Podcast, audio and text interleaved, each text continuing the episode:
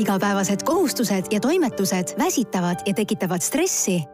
selleks, et väsimus ja stress sind jalust ei niidaks, vali uus magneesiumi toidulisand Stress Resist. tänase Tervist podcasti toob teieni Magne B6 Stress Resist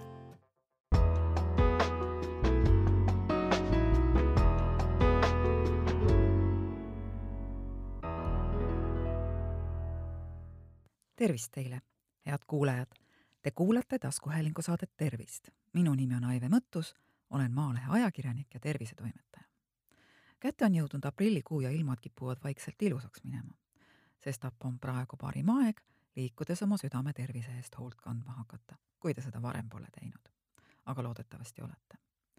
ja seda enam, et aprill on ka südametervise kuu südame-veresoonkonna haigused on Eestis juba aastaid surmapõhjus number üks Neisse tõvedesse suremuselt oleme juhtpositsioonil nii Euroopas kui maailmas ja see on midagi, mille üle uhke olla pole põhjust. peamised riskitegurid on südamehaigustesse haigestumisel vähene liikumine, aga ka suitsetamine, alkoholi liigtarvitamine, ülekaal, stress. tänases saates räägimegi südamest. mis organ see on, mis meil rinnas tuksub, kuidas ta töötab ja mis sellest kõigest kasu on niisiis, süda. see on koonusekujuline, seest õõnes lihaseline elund, mille välis- ja sisepindu katab sidekude. inimese süda on umbes rusikasuurune ja kaalub kolmesaja grammi ringis.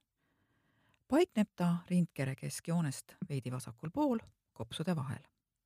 nii et kui te panete endale rusika umbes sellele kohale, mida ma kirjeldasin, siis vot Teie rusika all ongi täpselt umbes rusikasuurune süda. ja vaatamata sellele, et süda on suhteliselt väike, läbib seda ööpäevas aukartust äratav hulk verd, kuni üheksa tuhat liitrit. südant ümbritseb tihedast sidekoest südamepaun. ja südamepauna õõs on täidetud vedelikuga ning selle mõte on vähendada südame töötamisel tekkivat hõõrdumist südame jaotab kaheks pooleks, siis vasakuks ja paremaks, liha selline vahesein. ja tervel inimesel need pooled omavahel ühenduses ei ole, kuigi nad töötavad sünkroonselt. mõlemas pooles on olemas koda ja vatsake. ja kui me nüüd natuke arvutame, siis saame teada, et inimese süda on neljaosaline, koosnedes kahest vatsakesest ja kahest kojast ja paiknevad need vatsakesed ja kojad siis niiviisi, et vatsakesed allpool ja kojad nende peal. südame vasakusse kotta suubuvad kopsuveenid ja paremasse kotta kehaveenid. kopsuveenid toovad kopsust hapnikuga rikastatud vere südamesse, seega on hea meeles pidada, et vasakus südame pooles on alati hapnikurikas veri. kehaveenid seevastu toovad kehast südamesse hapniku vaest verd ja jällegi meelespidamiseks, et südame paremas pooles on siis alati hapnikuvaene veri. kodade lihaskude on õhem kui vatsakestel, sest nende töö on kergem. kui nad kokku tõmbuvad, siis peavad nad suruma vere vatsakestesse. aga vatsakeste lihaskude on siis palju paksem, sest nemad peavad rohkem tööd tegema ja kõige paksem ongi vasaku vatsakese lihas sest see teeb kõige raskemat tööd ja pumpab vere üle terve organismi laiali. kodade ja vatsakeste vahel on hõlmased südameklapid, mille ülesanne on kindlustada, et veri liiguks ainult ühes suunas, kodadest vatsakestesse. tagasi minna ei tohi. ja need klapid töötavadki siis nii, nagu ühele poole lahti käivad uksed, ehk et kui koda tõmbub kokku, on klapid avatud ja veri saab siis vatsakestesse liikuda kui aga vatsakesed kokku tõmbuvad, surub nendes olev veri altpoolt klappidele peale, sulgeb need ja vere loomulik teekond on siis südamest välja veresoontesse.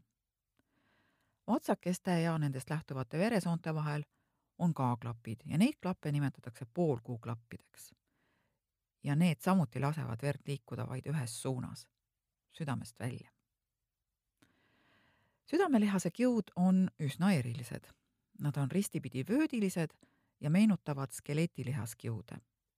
ehk siis ei ole sarnased teiste siseorganite lihaskiududega, mida siis nimetatakse silelihaskiududeks. ja südamelihase teine eripära on see, et ta on võimeline välisärritusest sõltumatult rütmiliselt kokku tõmbuma ja seda nähtust nimetatakse südame automatismiks. Niisiis süda töötab rütmiliselt, kord tõmbub kokku, siis jälle lõtvub. südame töötsükkel algab kodade kokkutõmbumisest, veri liigub vaatsakestesse, sellele järgneb vaatsakeste kokkutõmme, veri liigub vereringesse ja süda lõtvub. ja lõtvumise ajal südamelihas puhkab nii nagu igale teiselegi lihasele, on ka südamelihasele puhkust vaja. ja ühte südamelihase kokkutõmmet nimetatakse südamelöögiks.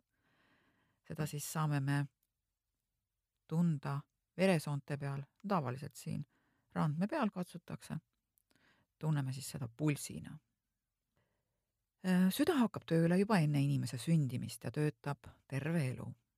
kui süda lakkab töötamast, siis paraku on inimene surnud ja südame löögisagedus sõltub väga mitmetest erinevatest teguritest, näiteks treenitusest, organismi eripärast, aga ka vanusest. Mida treenitum on organism, seda väiksem on kehalise pingutuse korral südamelöökide arv, sest süda suudab minutis rohkem verd vereringesse paisata. rahuolekus lööb täiskasvanud inimese süda keskmiselt kuuskümmend, seitsekümmend korda minutis ja vasak vatsake paiskab ühe löögiga kehasse umbes seitsekümmend kuupmeetrit oi ei, seitsekümmend kuupsentimeetrit, mitte kuupmeetrit verd. ehk minutis teeb see siis kokku viis-kuus liitrit. kui me nüüd aga võrdleme tavalise inimese südamejõudlust treenitud sportlase südame omaga, siis äh, treenitud sportlasel võib süda pingutuse korral ühes minutis kehasse paisata kuni kolmkümmend viis liitrit verd. ja nagu ma juba ütlesin, mõnele inimesele on loomuomasem kiire südametöö, teisele jälle aeglasem huvitav on aga see, et imiku süda lööb umbes kaks korda kiiremini kui täiskasvanul. olete te aga mõelnud sellele, mitu südamelööki teeb meie süda aastas? Kui me teame, et päevas teeb süda umbes sada tuhat lööki, korrutame selle päevade arvuga, siis saame lihtsa matemaatilise tehte tulemusel, et aastas tuksub süda meie rinnus umbes kolmkümmend miljonit korda. aukerdust äratav arv, eks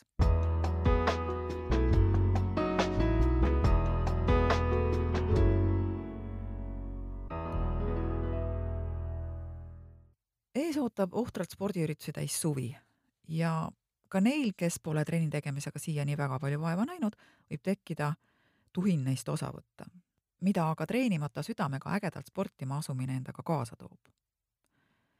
südamearst professor Margus Viigimaa võrdleb treenimata südamega võistlustulle hüppamist Vene ruleti mängimisega. ja ta teab, millest ta räägib, sest on ise väga sportlik, mängib tennist, on mitu korda läbinud üheksakümne kilomeetrise Vaasa-Lopeti ja kuuekümne kilomeetrise Tartu maratoni. ja neid äh, maratone läbides on tal tulnud äh, korduvalt äh, raja ääres turgutada ka liigselt enesekindlaid võistlejaid, kes pole trenni tegemisega suurt vaeva näinud. ja ka oma igapäevase töö käigus on ta korduvalt kokku puutunud inimestega, kes vähese treenituse tõttu on saanud pöördumatuid südamekahjustusi suurim viga, mida doktor Viigimaa sõnul tehakse, on see, et äh, isegi siis, kui trenni pole aega korralikult teha, aga võistlus läheneb, minnakse ikkagi osalema. ja seda just äh, lähtudes hasardist ja emotsionaalsetest argumentidest, et noh, ma olen ju ikka alati igal aastal käinud, kuidas ma siis nüüd tänavu vahele jätan, või siis, äh, et kunagi peab ju alustama. ja mõeldakse, et okei okay,, võistlustulle astumine on hea algus. aga kui vahetult enne võistlust hakatakse intensiivselt treenima, siis on sageli tulemuseks erinevad terviseprobleemid. nii et äh, kui te otsustate siiski kolmekümne, neljakümne aastasena või ka hilisemas eas treenima hakata, peaks kindlasti eelnevalt arstiga konsulteerima. see ei tähenda seda, et te peaksite läbima mingi massiivse hunniku terviseuuringuid. pigem on see selline vestlus selle üle, milline on mõistlik koormus ja teie tervislikule seisundile sobiv spordiala. Mida aga ületreenimine või valeintensiivsusega treenimine südamele teevad? no üks asi on see, et ületreenimine võib tekitada südamerütmi häireid, mis võivad mingil hetkel eluohtlikuks muutuda. ja kõrgema vererõhuga inimestel võib tekkida südame püsiv laienemine. väsimus, mis treenides tekib, on loomulik, aga enesetunne peab seda väsimust tundes hea olema. Ehk et see väsimus peab olema selline mõnus, rammestav. ja ühte asja tasub kindlasti meeles pidada. intensiivne treening ei ole nende inimeste jaoks, kel juba on südamega probleeme. liikuda loomulikult tuleb, aga omas tempos ja oma rõõmuks. pahatihti kulgevad südamehaigused kaebusteta ja nii ongi raske kindlaks teha tegelikult, millal peaks oma südame pärast muret tundma hakkama. Kardioloogid soovitavad, et esmane südamehaiguste skriining võiks meestel toimuda neljakümnendal ja naistel viiekümnendal eluaastal. perearst Anneli Talvik ütleb vahvalt. meie sees peitub väsimatu mootor hakkab tööle juba enne, kui me sünnime ega saa tegelikult ühtegi vaba päeva. seega punane vein ja paar trenni nädalas pole päris selline toetus, mida süda meilt vajab põhitõed on samas lihtsad. Söömisega saledaks, trenniga trimmi. ülekaalu korral on ainult treeningule rõhumine piinarikkalt pikk tee, kui inimene oma toitumist ei muuda. nii et kas te tahate seda, seda pikka teed ja piinarikkast veel seejuures jalge alla võtta? oluline on ka vähendada ikkagi toidu kaloraaži ja ennekõike just loomsete tahkete rasvade arvelt. ja seda mitte projektipõhiselt, vaid kogu ülejäänud eluks, ehk et mõtteviisist, et teen kuuajase dieedi või kolmekuulise või paarinädalase, kahjuks abi ei ole. ja samuti on vaja mõista, et liikumisest vabu päevi võiks nädalas olla ainult üks. kõikidel teistel päevadel on vaja ennast diivanilt üles vedada ja see, et te ennast üles veate sealt, ei tähenda mitte seda, et te peaksite ennast metsarajal surnuks jooksma, vaid see tähendab, et on vaja liigutada sest südame töökorras hoidmiseks sobibki kõige paremini mõnus korrapärane kehaline tegevus. ja selleks on suurepärane niisugune asi nagu kõndimine. no enamik inimesi ütleb, et äh, mul ei ole trenni tegemiseks aega, sest et on vaja teha üht, teist ja kolmandat ja üleüldse ööd on juba niigi lühikesed, võtan kõike une arvelt. aga siis tuleb oma elule otsa vaadata ja midagi ära jätta. või siis kasutada mõnda nippi ja hea nipp, kuidas südant toetada, on palju jalgsi käia. ja loomulikult on see ka tore sellepärast, et äh, kõndides, jalgsi liikudes lööte kaks kärbest ühe hoobiga. liigute ja jõuate ühest kohast teise. alati loomulikult see võimalik ei ole, aga tuleks oma elu läbi mõelda ja kasutada seda võimalust nii palju kui võimalik.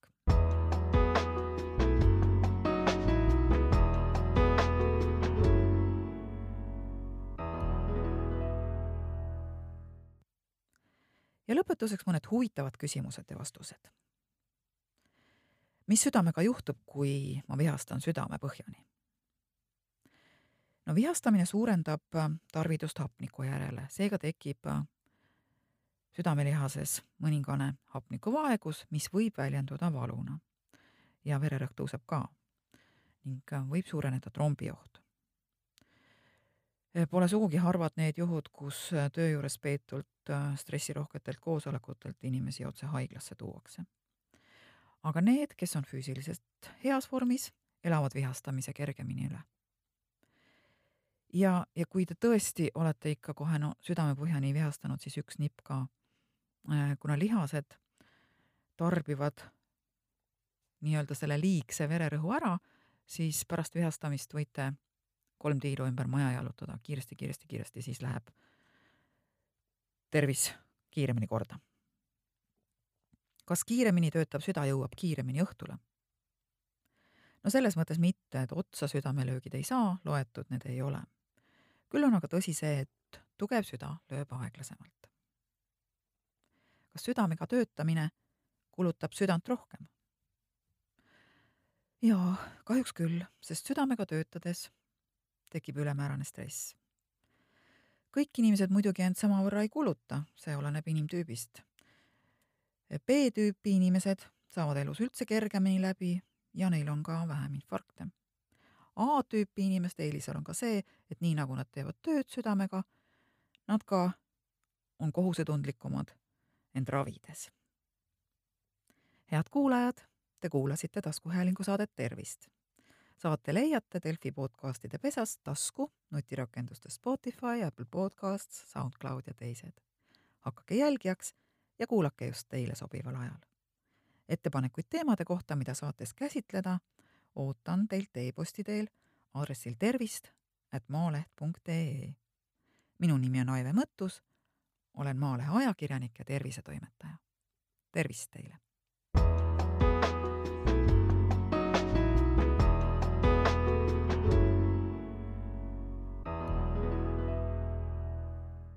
Igapäevased kohustused ja toimetused väsitavad ja tekitavad stressi selleks, et väsimus ja stress sind jalust ei niidaks, vali uus magneesiumi toidulisand Stress Resist. tänase Tervist podcasti tõi teieni Magne B6 Stress Resist